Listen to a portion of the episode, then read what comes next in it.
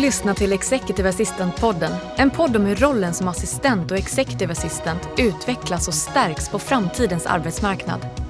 Podden produceras av Företagsuniversitetet i samarbete med nätverket IMA, International Management Assistance, rekryteringsföretaget Inhouse, röst och ljudproducenterna Online Voices samt Nordic Choice Hotels.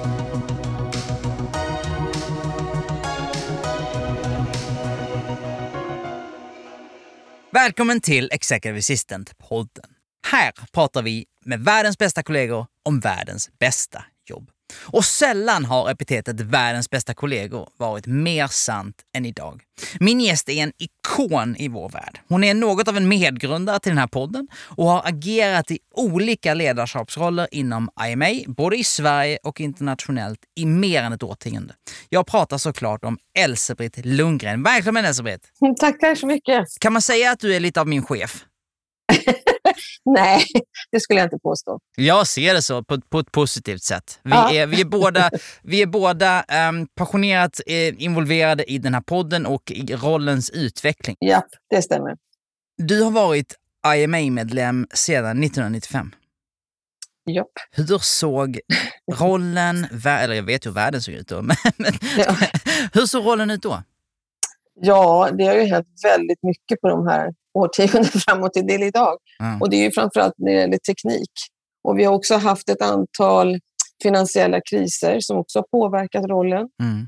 Hur, hur då Eh, Jag tänker mig som från då 95, det var precis i början av att vi hade fått PC och vi hade haft obehandlingsmaskiner och Ja. faxen hade kommit in och sådär.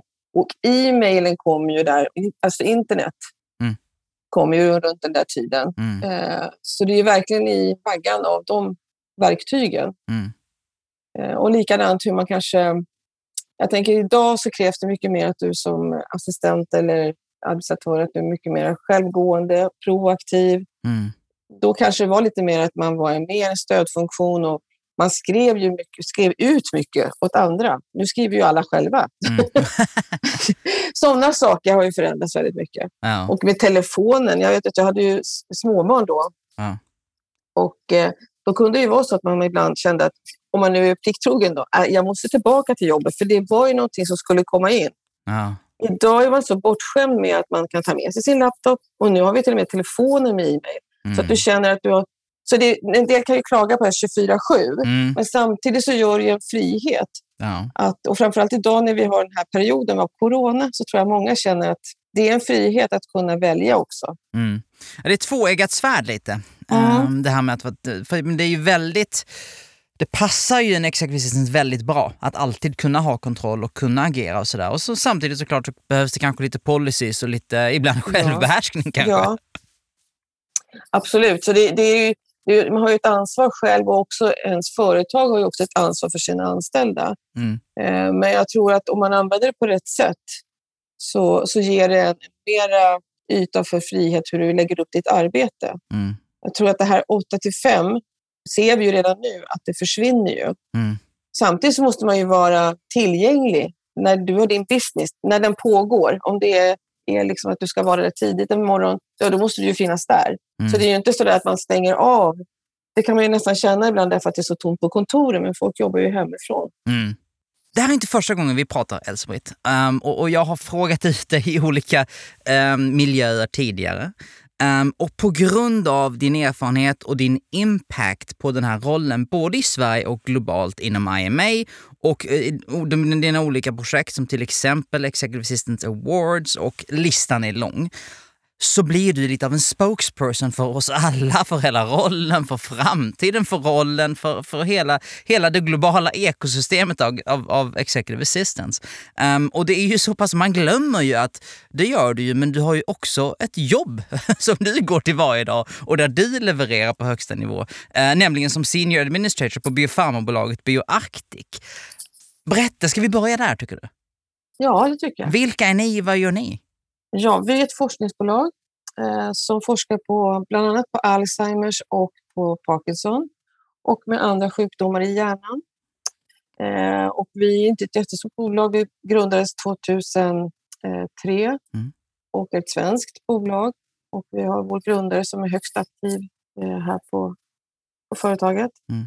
alltså väldigt spännande. Mm. Och en, eh, eftersom att vi är ett forskningsbolag så är majoriteten här är ju på väldigt hög nivå Ja. och har doktorerat och så. så att, men vi är också en stabsfunktion som hjälper till att stödja eh, den delen så att de kan göra sitt arbete. Mm. Och där är min roll då är att stötta framförallt vd och ledningsgrupp.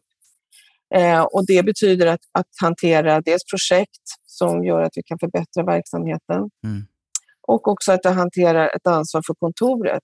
Eh, att det är skötseln eller om det är hur vi ska sitta bättre eller Mm. ombyggnationer. Mm.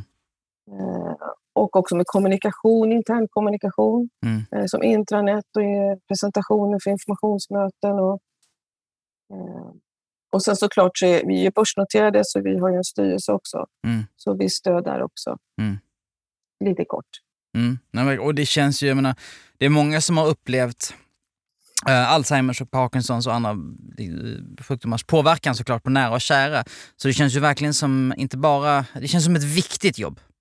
Ja, alltså det, det tycker jag det är det, jag har jobbat väldigt länge inom läkemedelsbranschen Mm. och det är väl en väldigt viktig del i det när man är här, att man har patienten med sig i tankarna. Mm. Det är det du gör. Även Mm. fast jag är väldigt långt ifrån själva forskningen eller Mm. till, så, så känner jag ändå då att vi hjälper till att bidra till att vi ska kunna förbättra för patienterna. Mm. Ja, här pratar vi ofta om att ehm, en exec- executive assistant optimerar sin chef lite för att företaget och, och eh, slutresultatet på något sätt ska få så stor impact som möjligt. Och det känns ju väl viktigare än någonsin kanske i en sån här miljö, eller hur? Ja, och där tänker jag, jag har ju inte varit här så länge, jag började här 2018. Ja. Men dessförinnan så var jag nästan 18 år på ett amerikanskt läkemedelsföretag, Eli Lilly. Mm. Och där jag, det var en väldigt spännande resa från de, under de åren. Och där utvecklar man också väldigt mycket ur sitt ledarskap. Och där var man också öppen för det, att man, till exempel det här med nätverket. Mm. Jag hade ju inte kunnat gjort de här olika sakerna om jag inte hade haft stöd av företaget. Mm. Och att företaget såg en vinst i det. Mm. Så att eh, allting behöver inte vara en betald kurs eller så, utan du kan Nej. utveckla det på annat sätt också. Ja, helt precis. Och, och det ska vi ju verkligen återkomma till. Ehm, Mm. Och jag tänker mig att, vad är det som, jag menar, vad, vad gör dig till en executive assistant själv på högsta nivå? Att man är dels lyhörd, Mm. att man sätter sig in i vad, vad företaget, ja, ens, ens affärsidé och vart man är på väg. Mm. Eh, för annars är det väldigt svårt att kunna vara proaktiv. Eh, och att man finns med i de sammanhang där information ges som man kan ta vidare och tänka själv och komma med förslag. Mm. Eh, det, det tror jag för, för min chef och mig att, att, att jag kan hjälpa till med, för, från mitt perspektiv. Mm. Eh, sen är det ju också med medarbetarna överlag att man, att man är en person som finns här. Och nu under den här speciella tiden som vi har haft nu så har ju jag varit här så gott som hela tiden. Mm. Eh, och då har vi valt det därför att jag, jag har lätt att komma hit. Och då kan andra... För det är ju ändå så att även fast man stänger ner så måste ju saker och ting kunna flöda, flöda på kontoret. Mm. Det kommer in saker som ska tas om hand eller det finns några som kanske måste jobba här. Så, Mm. och också att för de som nu inte är här, att de vet att det finns någon som kan fråga om det är någonting de behöver härifrån. Mm, mm. Och, och, det tycker jag det var intressant det du sa om att jag menar, om man inte förstår affären så kan man inte vara proaktiv. Och kan man inte, för att ofta så blir det ju så att här att vi, vi försöker hacka upp lite Um, så vad betyder det och här är en lista på framtidskompetenser och, och sådär. Och Mm. Så ibland kan man ju, om man är en sån som mig, glömma lite att ja, men sen när man sätter sig ner på jobbet på dagen eller liksom när man är tillbaka i vardagen så är ju allt ett, ett ekosystem som hänger ihop. Eller hur? Det är Mm. lite cause and effect. Jag menar, förstå, om man börjar från början då, funkar inte det dagliga operationella så kommer du inte att kunna titta eh, mer strategiskt eller sådär. Förstår du inte affärerna, men då kan du ju inte vara proaktiv. Alltså det hänger ihop. Mm. Och sen är, är väl, man är olika som personer. Jag är ju en väldigt engagerad person av mig.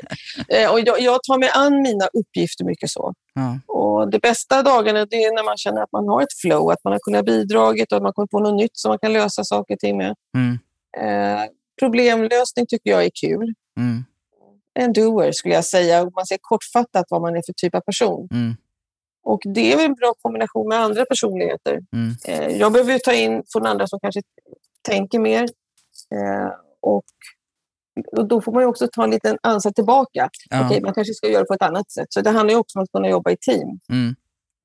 Ja, men precis, och, och, under, vi har samarbetat du och jag ganska många gånger och något som slår mig är att du, jag uppfattar i alla fall dig som dels väldigt såklart välorganiserad och, och så det operationella stenkoll på. Men du har ju också en kreativ sida, eller hur? Den, Mm, för ofta, absolut. ofta liksom, i alla fall när vi målar karikatyrer så är det okej, här Mm. har vi kreatören som är oordningsam och en, och en slashas. och sen här, å andra hållet så har vi liksom den som är dysch, dysch, dysch. Och Mm. du eh, kombinerar båda. Mm. Och jag gillar att sätta mål Mm. och, dri- och drivas mot det. Och det har jag, jag det satt på mitt arbete och det har jag framförallt gjort på IMA. Ja. Och det har lärt mig kanske också, för IMA kanske man kunde eh, ta ut svängar lite grann. Därför Mm. det, det var liksom ett nytt uppdrag man fick. Ja. Eh, men att se då att man lyckas där, Ja. att kunna kommunicera med människor och få med sig människor, Mm. då betyder det att jag kan faktiskt applicera det här också. Mm. Så, att, så att man känner att man har väldigt mycket med sig av vad man får för erfarenheter i ett nätverk, Mm. om man nu vill det. Ja. Så, eh, Och det är ju en minst sagt fascinerande aspekt som jag verkligen vill ankra i den här dialogen. Jag menar, du är en av dem eh, som lyssnar och en av oss i kategorin med mest erfarenhet och den som har sett mest av den här rollens utveckling under de senare åren. Och samtidigt så är du hela tiden den som, en av dem som är fram och nosar i framkant på utvecklingen, på det nya, på, på nästa learning och på, på nästa growth mindset. Alltså hela Mm. hur, är det, har det alltid funnits i dig? Har du liksom utvecklat det över tiden eller vad, vad, vad tror du om det? mm. Jag tror nog att det har faktiskt funnits hela tiden. Ja. Sen har det nog blivit tydligare när, när man börjar i arbetslivet och så. Att känna liksom att man ville vidare och lära sig nya saker. Att man var. Eh, nyfiken. Mm. Eh, för det har nog varit hela tiden. Kan, Eh. har det funnits såna, kommer du ihåg någon så specifik tidpunkt eller någon, någon, någon händelse eller sådär där du kände att okej nu är jag på en platå eller någonting annat alltså, och nu Mm. måste jag verkligen addera någonting, lära mig någonting, upskilla sådär. Ja, eh, och, och det, det kan jag ju säga då, runt 2000-talet där till Mm. exempel. Så kände, då bytte jag arbetsplats och Mm. jag började jobba till en, eh, den som var landschef då på Lilly. Mm. Och kände att eh, det var lite annorlunda position än vad jag hade haft tidigare. Jag jobbade inom administration, jag var sekreterare och avdelningssekreterare, men på den nivån så hade jag inte varit. Och då, dels så pluggade jag lite enstaka kurser på universitetet, för jag kände att jag behövde det. Mm. För att kunna göra mig än mer förstådd eller förstå affären. Mm. Och sedan så, IMA har ju haft en väldigt unik eh, sak. Det är att de har, eh, gjorde ett mentor och mentiprogram redan på slutet på 90-talet. Mm. Och då var man väl inspirerad av det här Ruterdam. Mm. Eh, så 2003 så sattes det upp ett nytt program och då tänkte jag, jag anmäler mig till det där. För det kan vara bra att få ett bollplank i den här rollen. Mm. Och fick då Britt-Marie Urve som då sedan blev eh, ordförande för IMA i Sverige. Mm. Och, eh, alltså det var väldigt lärorikt att få ett annat, annat perspektiv plus att hon, hon var inte i samma bransch som mig.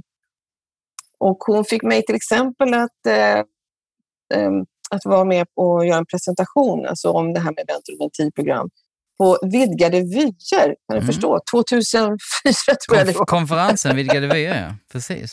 Ja. Eh, och sen så fick hon mig alltså komma in i styrelsearbetet Mm. som hon lockade mig med. Eh, Så att jag känner att utifrån det så har man hela tiden växt Mm. och vilja lyssna in vad andra tycker också. Mm.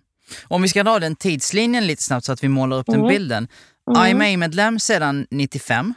Mm. Eh, du var national chairman för, i Sverige 28, 2008 till 2012. Ja. Eh, national secretary däremellan, var det det? Ja, det var min första uppdrag. Ja, det var då hon Där- ja. övertalade mig att Mm. komma in i styrelsearbetet. Precis. Ja. Men du ser, min historiebeskrivning vacklar men är inte, jag, är inte helt, jag är inte helt off, eller hur? Ehm, och sen executive chairman för IMA globalt 2013-2019. Mm. Och detta är ju, det finns mycket och eh, så här, vi har ju många gånger i den här podden eh, proklamerat värdet av ett nätverk och det kan vi göra Mm. igen för det kan man inte göra för mycket. Men jag tycker också att det är intressant för att IMA har ju inte bara rollen som har förändrats under de här utan IMA har ju på något sätt växt till det det är idag under de här åren, eller hur? Ja, absolut. Och jag, jag, det jag är glad att se över också, om jag säger att vi grundades 1974 Ja. Och hur rollen från den tiden har förändrats kring hur det är idag. Och att nätverket liksom lever av full kraft. Och att vi nu med, eftersom vi, jag var ju med då när vi bytte namn och branding Mm. 2016. Och det har gjort också att vi har fått ett intresse liksom från andra länder som Mm. känner att och vi vill också tillhöra en community. Så vi har, fick ju Sydafrika här för ett par år sedan och nu i lördags så hade vi launch av IMA India. Mm, wow! Det, alltså det är fantastiskt och de var jätteglada och menade att ja, det här har de letat efter. Mm. Eh, så det är kul att se att det hela tiden, men det måste ju vara öppen för förändring. Ja, Sätt, sätter man sig så att det- är bra som det är, då kommer ju inte föreningen att finnas kvar. För det kommer hela tiden nya personer med ett litet nytt setup i rollen Mm. Och ny kompetens. Ja, nej men och det är ju, jag, menar, jag brukar säga att vi är vi, vi predikar ju för prästen här, vi är alla engagerade om den här rollen och, och dess bästa. Men, Mm. men IMAs påverkan på människor, jag menar bara för mig, för min personliga del, så jag har jobbar ju inom Företagsuniversitetet som ju, eh, utbildar och har utbildat och erbjudit en massa olika kurser för executive assistance eh, på olika nivåer genom åren. Och Mm. det här att sitta på universitetet, se en grupp individer gå in i ett klassrum eller in i en gruppaktivitet liknande och komma ut lite starkare. Lite Mm. liksom eh, mer, mer hugg i blicken, lite rakare. Ja, men du vet, att, man, att man får det här tillsammans, utvecklar vi rollen vi blir starkare och bättre, det blir roligare vi tar oss framåt. Samma sak ger ju IMA, eller hur? Mm. Att man helt plötsligt, jag sitter här, jag, jag jobbar och sliter och sen får jag ett sammanhang. Jag får fler perspektiv, vi lär av varandra, det, det skalar helt plötsligt. Alltså eller hur? Det, det är samma Mm. sak som man känner på, på IMA-träffar och möten och konferenser och sådär också. Att, att det bubblar liksom av hur människor stärker varandra. Ja, och där tycker jag också som att, att IMA hjälper till. Dels så när du har, att du träffar andra, för många sitter ju själva i sina roller och känner att det är ett starkt utbyte Mm. med att träffas. Men sen också att, att vi ändå ser oss som att trendspana för våra medlemmar, Mm. att ordna dessa internationella eh, event som vi har två gånger per år. Mm. Men samtidigt som länderna gör ju väldigt, de som har nu nationella grupper, de gör ju också mycket för sina medlemmar och nu är det ju väldigt mycket webbinarier. Mm. Så, och jag känner att det, det, det IMA erbjuder här är ju väldigt stor, ska jag säga, eh, inte rikedom, men jag känner liksom att vi är faktiskt on the top om för att se till att vår kompetens följer vad, vad marknaden behöver. Verkligen. Det, det, det, det kan jag, ja, vem är jag att bekräfta det? Men jag tycker också det. Eh, nej men eh, precis, och det, om, om det råder inga, om, inga tvivel. Vad, vad tror du är, jag menar nu gick eh, Indien då in i IMA och, och i, i den globala eh, organisationen. Hur skiljer sig rollen som executive assistant runt om i världen? Jag tror att det, det skiljer ju med att våra kulturer skiljer sig åt Ja. och också vilken eh, ekonomisk situation det är i landet, Mm. eh, hur stor befolkningen är. Så att, eh, men jag tror att det finns ju ändå det som, är, som får oss att känna en gemenskap, är ju ändå att det finns någonting som är lika för oss. Sen så kanske vi jobbar olika beroende på, ja, men som Sverige till exempel. Mm. Vi är ett mindre land där teknologin betyder oerhört mycket för att vi överhuvudtaget ska kunna matcha upp mot de som har kanske en större befolkning, har ett bredare spektra att ta, ta in eh, arbetsföra personer. Mm. Medan vi måste ta hjälp av tekniken för att kunna eh, konkurrera. Ja. Och där har ju kanske också blivit så att vi har mycket slimmare organisationer här därför att vi behöver kanske alla på ett annat sätt Mm. än om man har en större, ett större land. ja, verkligen. Om du är med mig där. Ja, nej, men ja, det, det, det, det är absolut. Och jag menar, om man då, och det, med det i tanke sådär, och även det du sa om IMAs eh, nu allt mer digitala eh, Mm. liksom erbjudande, men, men alla webbinarierna och, och det värde som, man, som ändå på något sätt skalar bättre globalt, att alla har, plötsligt kan, kan ha tillgång till det. Oavsett om du har möjligheten att till exempel resa eller inte. Mm. Ehm, och jag menar, som sagt, du och jag står båda bakom den här podden på olika sätt. Och jag menar, vi hoppas väl båda, i alla fall jag, att, att den, den både underhåller och informerar lite Ja. sådär. Ehm, men, men what's next? Liksom? Vad, vad tror du att vi, ni behöver för att verkligen... För att på något sätt som jag brukar säga, man ska inte ta den här rollens nuvarande status för given. Det är många, dig inkluderad, som har kämpat och slitit för det. Um, och utvecklingen stannar ju inte. Vad, vad, vad, tror du, what's next? Vad behöver vi nu tänka på och addera för att fortsätta avancera den här rollen? Mm. Jag tror dels det här som vi har pratat om när man säger det här med human skills och soft skills. Och mm. Att eh, många av de eh, egenskaperna har ju vi väldigt mycket i våra roller. Mm. Och det har jag ju sagt tidigare att vi behöver eh, också synliggöra dem när man använder sig av dem. Ja. Att det liksom är en styrka. Mm. Och Det kan man ju tycker jag se också i mycket annonser. För Jag tycker det är kul att följa eh, jobbannonser. Ja. För där ser man faktiskt förändringarna som sker. Så vill man följa med lite grann vad är det arbetsgivarna kräver så, så tycker jag man ska titta lite grann på det. Bra och tips. se, oj, det där är någonting som jag inte är inne på. Mm. Eh, och också det här att ta sig ut från sin comfort zone, det har vi också pratat om tidigare. Men det är ju en jätteviktig sak för att lära sig. Ja. Så fort det, det, du stabiliserar dig i något, eh, något eh, sätt att göra en, en, sak på så, så kommer du ju inte följa med. Mm. Utan det blir gammal kunskap. Mm. Mm.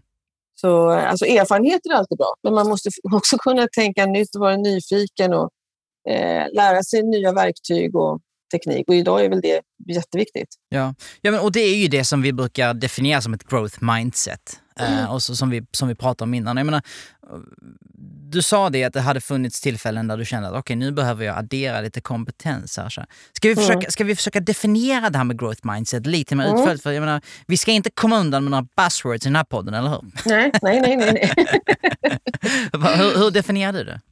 Nej, men jag eh, definierar det som att, säger det med, att man ska vara öppen för förändring ja. eh, och ny kunskap. Och att eh, se... Det, det kan jag tycka det är lite tröttsamt att säga, se positivt på saker. men jag tror att det, det hjälper ju om man, först, om man tar sig an saker och ting på ett, på ett eh, öppet och nyfiket sätt. Mm. Så det skulle jag säga, liksom, att man håller sig ajour och är öppen med det nya som kommer. Och för, och för min del, jag känner idag så har vi en sån tillgång på, eh, på kunskap. Inte bara det att du sätter dig i skolbänken, utan mm. att du sen, för det räcker ju inte heller. Du Nej. kan gå en väldigt fin utbildning, men om du inte håller den, underhåller den sen mm. med vad som, eh, nya saker som kommer in, mm. så blir ju den outdated också. Mm. Mm. Så jag, jag, känner nog mer att, att idag när vi har tillgång till både böcker och vi har ju artiklar som sprids på internet och mm. olika sociala medier, Eh, mm. Såklart man ska vara också eh, kritiskt tänkande. Mm. Men jag menar att du kan få tillgång till så mycket mm. utan att betala för allting. Mm. Och, då, och så får man liksom en känsla av var vi, var, vi, var vi är någonstans. Och sen så naturligtvis är sådana nätverk som IMA, säger mm. jag då eftersom att jag tillhör det, mm. kan ju hjälpa dig att se eh, någonting i den här tunneln. För det är inte så lätt. Nej, nej. Men är man fler så, så har man ju lättare att höra med andra. Aha, det kanske är det jag måste gå och titta in på, det där verktyget bättre. Mm, mm. Så... Nej, men precis, både när vi pratar om utbildning och, och, och nätverk så är det ju, jag menar, du kanske, har till, du kanske är i en position där du kan gå rakt in, ta ledigt, sätta dig i en jättelång, tung, dyr kurs och det är ju mm kanon. Och så kan du gå rakt in och bli medlem i mig och, och inspireras globalt. Liksom. Mm. Men, du kan ju också, men det är ju inte så den enda vägen. Eller hur? Menar, ni kan vara, du kan hitta ett par kollegor på jobbet och ni kan ha ett nätverk där och börja dela erfarenheter och sådär. Och, och, det kostar ingenting mer än kanske liksom en, en kaffe som förhoppningsvis bolaget betalar. Mm. Um, och du kan hitta kunskap gratis på, på, internet. Eller Man kan ju börja var man än står, men det är ju, ja. det är ju lika värdefullt. Ja, och där skulle jag vilja säga också det att när vi pratar om nätverka på arbetsplatsen mm. så är det visst det är dina eh, kollegor inom ditt yrke, som om du är på ett större bolag. Då. Mm. Men, men lika mycket med andra som du har ett utbyte med. Om till exempel, så för mig är det väldigt viktigt att jag har bra kommunikation och ingångar med våra staber, för det, det påverkar mitt arbete väldigt mycket. Mm. Likväl som det med, med forskningsdelen också, att jag har ett öra ner till dem och att vi pratar med varandra. Mm. Och jag vet vad deras behov är. Mm. Så att man inte bara sätter sig i sin egen lilla roll, mm. utan att man eh, utökar det där nätverket. Man kommer att behöva det en dag eller en annan. Mm. Exakt. Och, mm, exakt. Och, och, om vi då vi, lyssnarna får förlåta oss, men vi hoppar mm. lite längs tids, tidslinjen här. Mm. Men jag ska försöka förklara hur jag tänker. um, men, men för det är ju så, jag pratade för, för en tid sedan med någon som hade jobbat som en sekreterare för jättelänge mm. sedan. Och, och mm. då var, hon berättade för mig att så här, när, när det var så fysisk post var en, en jätteviktig del av hennes jobb då. Um, och så sa hon att hon var rädd för när det sen digitaliserades allt mer, uh, hon, jobb, hon har pensionerat sig nu, mm. men, men hon sa att hon, hon kände då en stress att okej okay, nu, nu kommer det bli mail. Det blev inte det, det, det riktigt mm. då, men hon såg det komma så att säga. Och nu, då behövs jag inte längre. För att mm. nu, nu öppnar någon annan posten. Liksom. Och det, det, men vi kan ju småskratta åt det nu för det är en, det är en annan mm. version av rollen äh, än idag. Men, mm. men på något sätt så står vi ju alltid inför ett existentiellt hot på något sätt, eller hur? Men rätt hanterat så är det en, en möjlighet och en stepping stone. Lite. Precis, för då måste du angripa det. Hur, hur, ska jag kunna, hur kan jag bidra om, till exempel som för ens chef eller någon annan som man jobbar nära med, mm. om det är en ny teknik som kommer in. Mm. Och jag vet när, när e-mailen kom i sin begynnelse, ja. då skrev man ju ut mejlet och lämnade också ja. över, inte bara lita på datorn. Nej, det, det, kan man inte göra. Nej, och jag vet arbets, ja, en grupp jag jobbar med, de var inte alls tillvända med e-mail. Så mm. då satt man och skrev ut e-mail åt dem. Mm.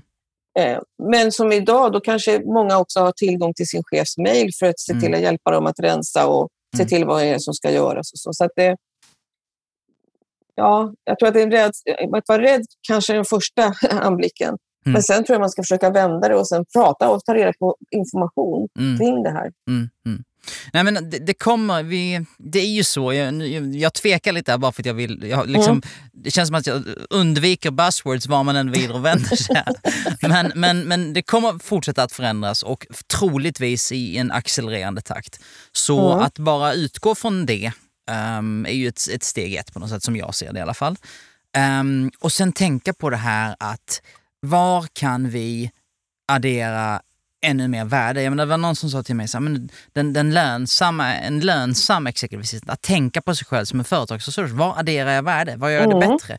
Och inte nödvändigtvis okej, okay, vad står det här i min rollbeskrivning? Nej, Nej. det gör alltså, utan okej, okay, bra, här är bolaget, här är vad vi försöker åstadkomma tillsammans. Där, där och där adderar jag ett jättevärde. Då kör vi mm. på det. Liksom. Mm. Sen förenklar jag det såklart, jag förstår. Men, men det, på det enda sättet att hantera förändring är på något sätt att vara förändringsbenägen, eller hur? Ja, ja. och idag så kan man inte säga att man inte vill vara det, för att det går så fort. Ja. Så, eh, och sen men jag kan jag förstå, om man, om man är på ett företag där som inte går så bra, mm. då är det kanske inte så enkelt. Men, mm. men jag hoppas då igen att man har då något nätverk som man kan mm. eh, andas ut och höra liksom hur andra gör. Och, det är också en sak att om, om man nu är på väg någon annanstans, mm. då är det också en väldigt bra källa till, kanske de vet, någon har hört att det finns ett ledigt jobb någonstans. Mm. Så att, eh, att man använder sig av det. Mm. Verkligen. Och, och, så här, jag, du har ju hört, som sagt, du och jag har pratat många gånger, du, du konsumerar det mesta materialet där ute om, om den här rollen och framåt och ser det som skapas inom IMA och så vidare. Vad tycker du nu ska jag välja mina ord här så att man inte skjuter sig själv i foten. Men, men, men ibland pratas det och skrivs det väldigt mycket. Um, och, men ibland är det så, oj det där var värdefullt. Det där borde mm. fler det där borde fler uh, få veta. Liksom. Vad känner du är de liksom, brinnande punkterna nu? Vad, vad, måste vi verkligen titta på? För att, som sagt, vi har ju gått från en, en miljö där man satt själv på sin stol och var lite isolerad som executive mm. assistant kanske, till en miljö där all världens information finns tillgänglig. Och då har man plötsligt motsatta problemet. Att mm. hur, vad ska jag ta mig tid till och hur hittar jag rätt mm. sak att läsa eller se eller lyssna på? Eh jag tänker också att, man, att just att prata om trender, ja. att man försöker liksom... Det handlar ju för sig om ett intresse. Jag är väldigt intresserad av att, vad som händer utanför. Mm. Men att man kanske ser nyheter före någon annan och, kunna uppfatta det från, till sin roll. Mm. Eh, och egentligen är det så att ingen kan ju egentligen se in i framtiden. Nej. Men man kan försöka hålla koll på vad som händer. Mm. Dels genom att man läser eller diskuterar på arbetsplatsen. Mm. Där kan man ju också höra helt plötsligt nya behov som kommer. Och så får man då tänka att kanske jag kan hjälpa till där. Mm. Eller att man själv ser någonting som behöver förbättras eller det finns ny teknik. Så kanske det ska vara någonting för företaget. Mm. eller mig själv för att göra ett bättre, effektivare arbete. Mm. Eh, så eh, Vad tror du? Ja, nej, verkligen. Och Mm. just och nu går jag då fram till tidslinjen igen. ja. Så, nej, men vi var i och för sig i, i nutid, så, så jag, inte, jag gör mig inte så stora synder. Mm. Men du har ju också varit delaktig och du, jag har ju bland annat samarbetat med den här nya digitala professional mastern för Executive Assistant. Mm, precis. Du, du var delaktig i och, och i ledningsgruppen tror jag för, för när Företagsuniversitetet tog fram den här masterclassen. Ja. Ehm, och du har ju sett en, en hel del sådana format utvecklas också. V- och, och så har du såklart också interagerat med människor som har gått de här utbildningarna. Mm. Vad brukar vara sådana där saker som, för att vi vet ju själva, så här, man läser en bok eller man ser någonting så fastnar vissa Mm. saker. Vad va, va, va, va, känner du har varit betydelsefullt i typ av ny kompetens och nya insikter för, för, för våra kollegor där ute? Mm. Jag, jag tycker att vi var väldigt eh, framåt när, när den där utbildningen, den här Executive Assistant Masterclass här i Mm. Sverige togs fram. Ja. Eh, för då var det så att IMA då tittade på att vi ville göra en profil på vad är en administratör på ledningsnivå? Vad Mm. gör den? Mm. Och vi vet att vi har väldigt mycket saker är lika arbetsuppgifter, men sen har många olika ansvarsområden. Mm. Och då hade vi eh, en diskussion med eh, Stefan Haglund som är VD då för Företagsuniversitetet. Mm.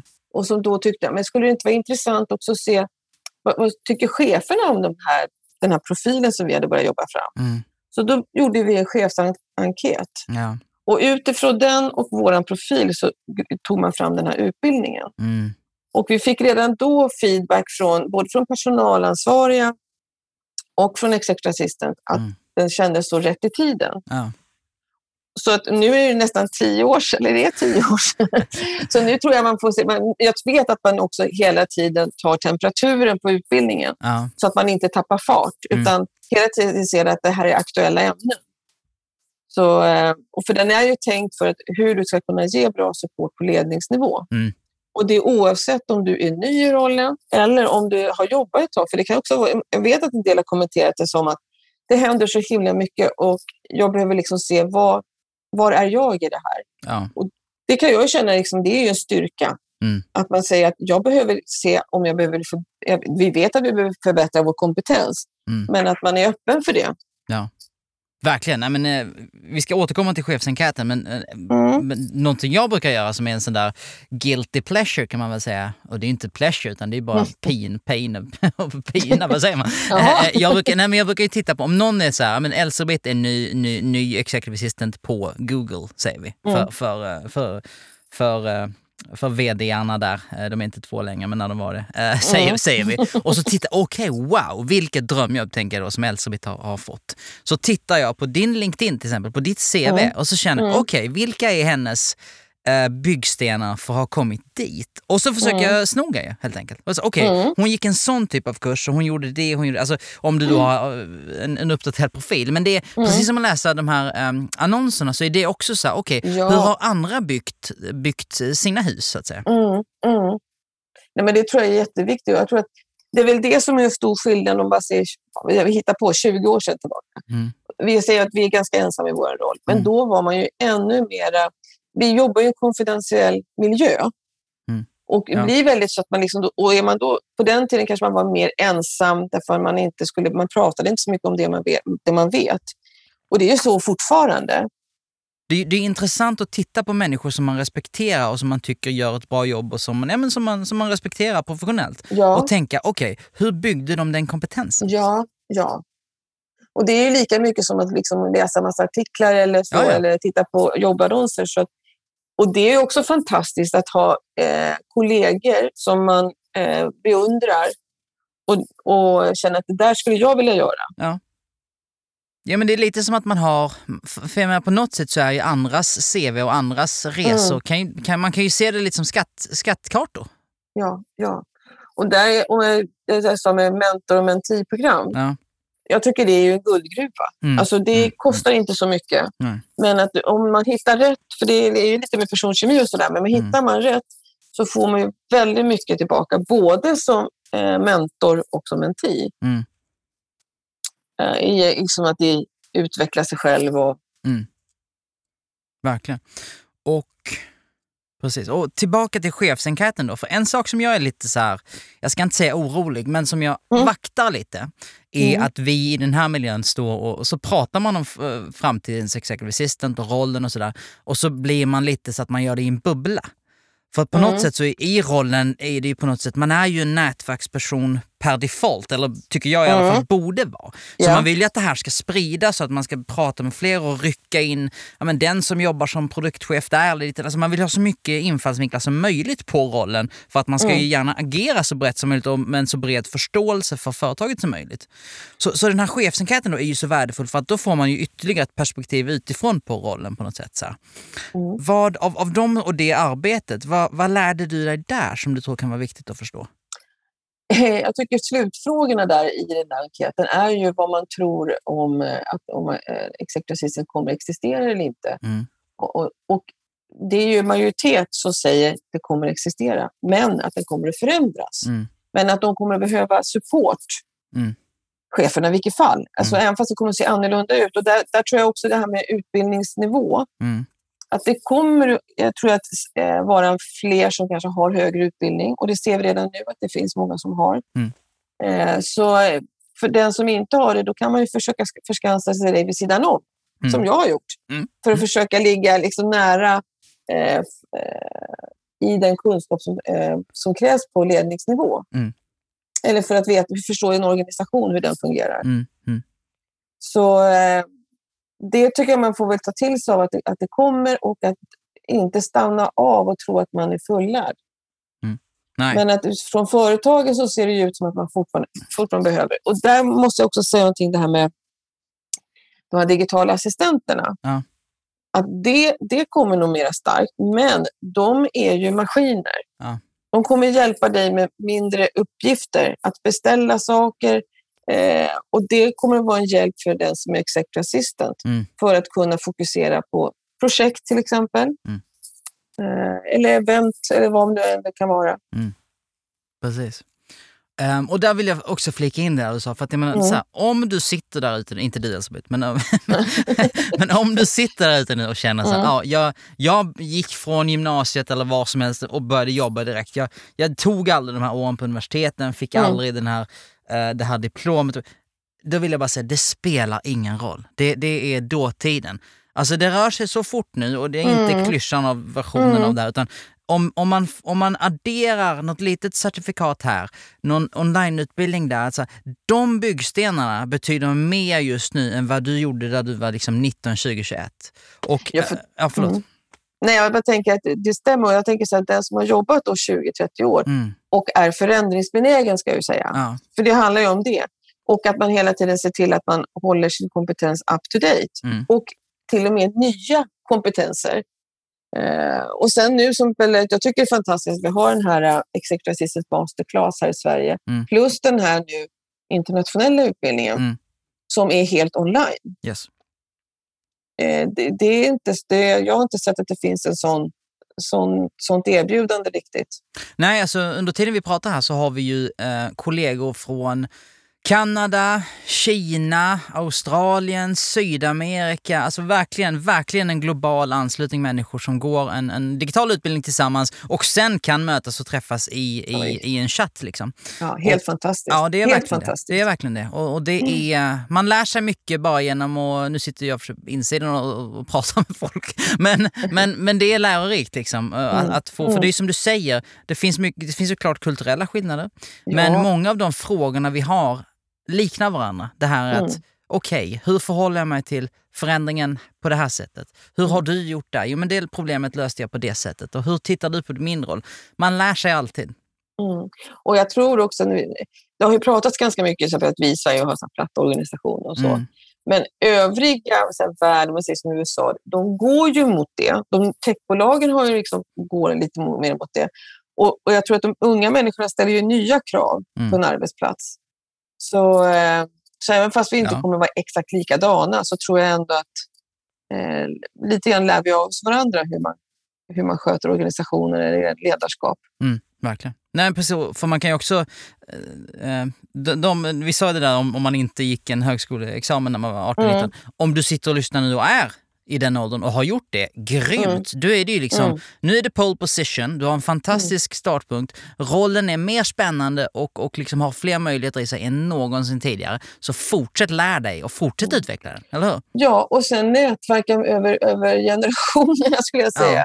Jag tycker liksom att man är öppen med de man möter som inte är från sin egen generation och Mm. lyssnar på vad, vad har de att ge. Mm. För det, det tror jag också att det är mer ett utbyte mellan generationerna än vad det kanske varit förr. För där var det ju mycket mer upp, alltså uppifrån och ner. Ja. Att man så, hade inte så mycket att säga när man kom som ny, men idag så är det så att du har en annan kunskap som jag inte har. Mm. Eh, så att vara öppen för det. Och likadant att den som är ung som kommer in behöver ju också den som har erfarenhet som kanske har gått på eh, några smällar några gånger Ja. och vet att det här funkar och så. Mm. Så det är en exchange däremellan. Ja, verkligen. Och, precis, för att det är ju ett jobb i all sin... Vi tycker båda att den är en fantastisk roll, men den är ju också, eller inte men, men den, den är ju ofta på en hög nivå och på hög, på hög nivå så, så, så smäller det ju. Det, det är ju hektiskt, det är tempo, det är, det, är, ja, men det är ju high stakes ibland. Och då är det bra att ha ett nätverk, ha kollegor, ha, ha en, en egen utveckling att luta sig mot. Mm. Och där man möts från olika typer, alltså företag och branscher, Mm. storlek. Eh, det kan också vara från myndigheter. Så Mm. man får också en större förståelse för hur olika organisationer arbetar. Ja, precis. Ja. Mm. Elisabeth, tack räcker inte riktigt för att tacka dig. Men det är allt jag har just nu.